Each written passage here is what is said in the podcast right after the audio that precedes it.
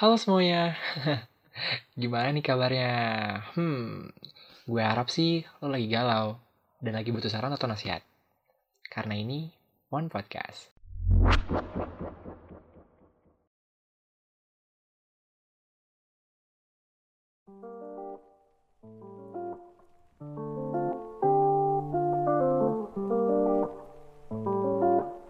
Halo semuanya, selamat datang kembali di One Podcast What Alsa Never Take. Nah, jadi di episode 2 ini gue dapet banyak banget titipan topik dari teman-teman gue untuk dibahas di podcast ini. Nah, tapi setelah gue lihat semuanya, ternyata semua itu merujuk pada satu hal yang sama, yaitu toxic relationship. Kebanyakan dari kita tuh gak sadar kalau sebenarnya sedang berada dalam hubungan yang tidak sehat. Karena kita menganggap bahwa hubungan yang sedang dijalani tidak ada masalah. Kita menganggap apa yang kita lakukan adalah hal yang memang dilakukan setiap pasangan. Kita tidak menyadari bahwa bisa saja apa yang kita anggap biasa justru bisa menjadi awal dari sebuah hubungan tidak sehat.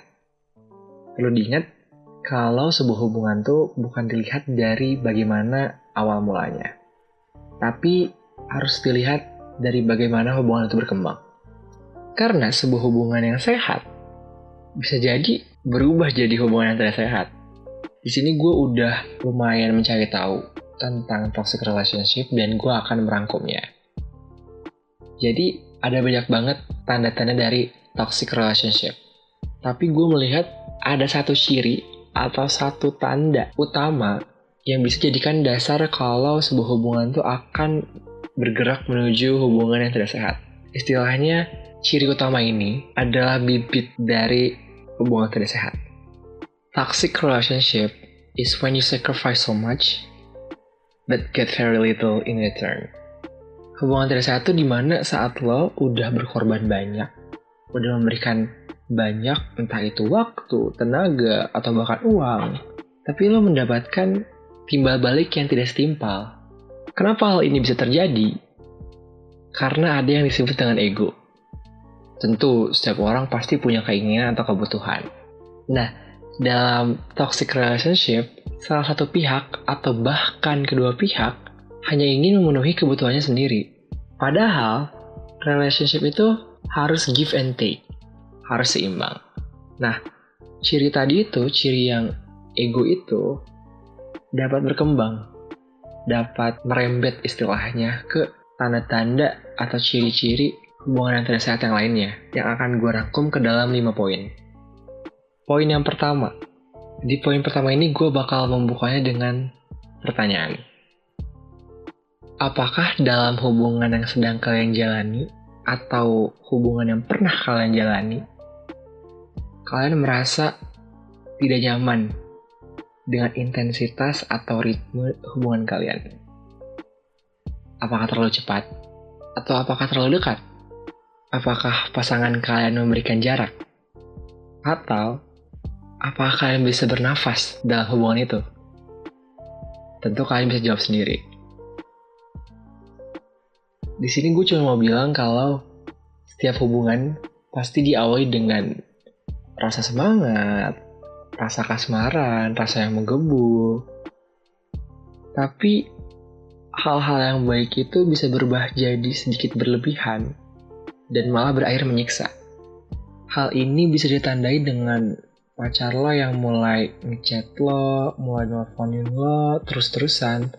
Mereka bakal marah kalau lu jawabnya slow respon. Padahal mungkin aja mereka tahu kalau lo lagi sibuk mereka tahu kalau lo punya hal lain yang lebih prioritas. Tapi mereka nggak mau tahu. Pokoknya mereka harus dipenuhi ego untuk diutamakan. Mereka ingin keberadaan mereka tuh nomor satu di atas yang lain-lainnya. Sekali lagi ini mencerminkan ego untuk diutamakan. Poin yang kedua atau ciri yang kedua Mungkin ini mirip-mirip sama nomor satu tadi. Di sini pasangan lo akan mulai menarik lo dari dunia. mereka mulai menarik lo dari teman-teman lo, menarik lo dari hobi lo, atau bahkan keluarga lo sendiri. Contohnya, mereka mulai melarang lo buat ketemu sama teman-teman lo. Kayak, kenapa sih lo main sama teman-teman lo mulu? Sama gue kapan? Atau kalian dipaksa untuk tidak lagi melakukan hobi kalian. Misal, kalian punya ekstrakurikuler sepak bola. Pasangan kalian tahu kalau kalian selalu latihan saat Senin dan Rabu, misal. Tapi mereka nggak mau tahu. Mereka pasti akan mengeluarkan kata-kata, kok kamu main bola terus sih? Ya udah kamu pacaran aja sama bola, jangan sama aku. Pasti kalian juga familiar dengan kalimat seperti itu. Nah, di sini pasangan kalian berarti udah mengisolasi kalian dari dunia luar. Mereka menarik kalian untuk mengikatnya lebih erat dengan mereka. Menurut gue, dalam sebuah hubungan tuh kita harus masukin unsur kebebasan. Kebebasan dimaksud adalah di mana ada dua orang yang suka banget ngabisin waktu bersama-sama. Tapi mereka pun tetap keep in touch, mereka pun tetap berhubungan dengan teman-teman mereka, mereka tetap berhubungan dengan keluarga mereka, dan mereka pun tetap melakukan hobi mereka. Hal ini bisa dipraktikkan dengan kalian membagi waktu antara pasangan kalian, teman kalian, keluarga kalian, dan hobi kalian.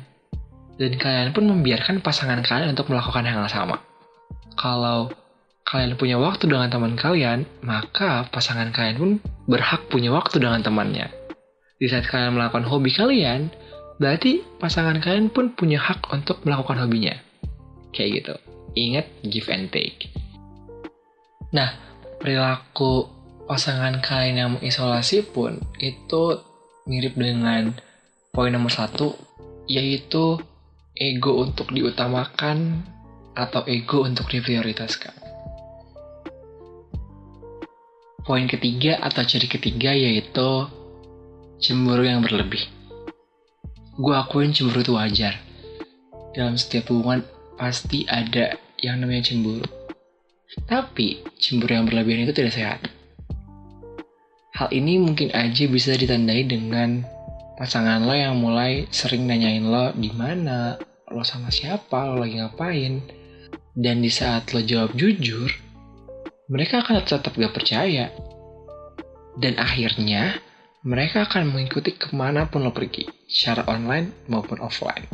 Kalau secara online mungkin mereka akan follow semua sosial media lo dan akan mereka pantau siapa aja yang ada di SG lo, siapa aja ada yang postingan lo, siapa aja yang komen di postingan lo, dan mereka akan cari tahu. Dan gak jarang mereka akan nuduh lo selingkuh lah, mereka akan nuduh lo main belakang lah, dan semacamnya. Hal ini didasari oleh rasa ketidakpercayaan dan rasa posesif. And I've been there. Gue pernah ada di hubungan di mana gue selalu mempertanyakan perasaan pasangan gue. Gue ragu kayak, dia beneran sayang sama gue gak ya? Gue mempertanyakan hal itu karena balik lagi ke ciri awal, kayak gue udah ngasih semuanya, tapi gue nggak merasa gue mendapatkan timbal baliknya setimpal dari pasangan gue. Dan waktu itu pun intensinya waktu itu gue curiga dia selingkuh. Nah, di sana gue akuin I was the toxic one. Karena gue jadi tipe yang pencemburu banget, gue nyari tahu banget dia ke mana, dia ngapain, dia sama siapa. Tapi akhirnya gue nanyain ke dia langsung. Kayak, perasaan lo ke dia kayak apa sih? Lo sama dia ada apaan sih? Terus perasaan lo ke gue gimana? dan dia jawab nggak tahu pas waktu itu dan gue rasa dalam sebuah hubungan bukannya tempat lo untuk mempertanyakan lagi tentang perasaan pasangan lo harusnya sebelum lo memulai hubungan pun lo udah tahu perasaan pasangan lo jadi akhirnya gue mengakhiri hubungan itu karena gue nggak ingin lagi terus untuk mempertanyakan perasaan pasangan gue nah Sekali lagi, cemburu wajar. Yang gak wajar adalah cemburu yang berlebihan. Lanjut ke poin keempat atau ke ciri yang keempat, yaitu ditandai saat pasangan lo mengatakan sesuatu yang menyakiti lo sengaja maupun gak sengaja. Dan ketika lo bilang kalau lo sakit, lo bilang kalau lo gak nyaman dengan hal itu, mereka malah nyalahin lo balik. Misalnya they say something bad about you. Dan lo bilang, eh aku gak suka digituin. Dan mereka malah balik kayak, kenapa sih baperan banget? Kenapa sih lo sensitif banget? Dan semacamnya. Di situ mereka nggak mau kalah, mereka nggak mau salah menurut gue dalam hubungan you should feel secure not insecure your partner should build you up dan bukannya malah menjatuhkan lo menyakiti lo jadi kalau dalam hubungan dan pasangan lo menyakiti lo dengan kata-kata atau bahkan dengan fisik honey that's toxic relationship yang terakhir atau ciri yang kelima semua hubungan pasti ada yang namanya berantem Gak mungkin enggak dong. Tapi dalam hubungan yang tidak sehat, berantem itu serasa nggak ada hentinya. Dan mostly, berantem itu gara-gara masalah yang sama. Kayak kalian berantem hari ini, tapi akhirnya kalian maafan. Kalian saling minta maaf dan kalian saling berjanji kalau kalian nggak akan melakukan hal itu lagi. Eh tapi ternyata beberapa hari kemudian, kalian berantem lagi. Dan itu karena hal yang sama seperti beberapa hari lalu. Kalian berantem, kalian maafan, kalian saling berjanji nggak akan melakukan itu lagi, terus berantem lagi, baikan lagi, ya udah gitu aja terus. Gue nyebutnya endless roller coaster. Kayak kalian serasa naik kali lintar tapi untuk seumur hidup kalian gitu. And that's not fun. Nah, itu dia ciri kalau lo sedang berada dalam toxic relationship versi gue, tentu masih banyak banget ciri-ciri toxic relationship di luar sana, tapi gue di sini cuma bawa 5 poin. Jadi sekarang gue tanya, apakah lo sedang menjalani hubungan yang toxic?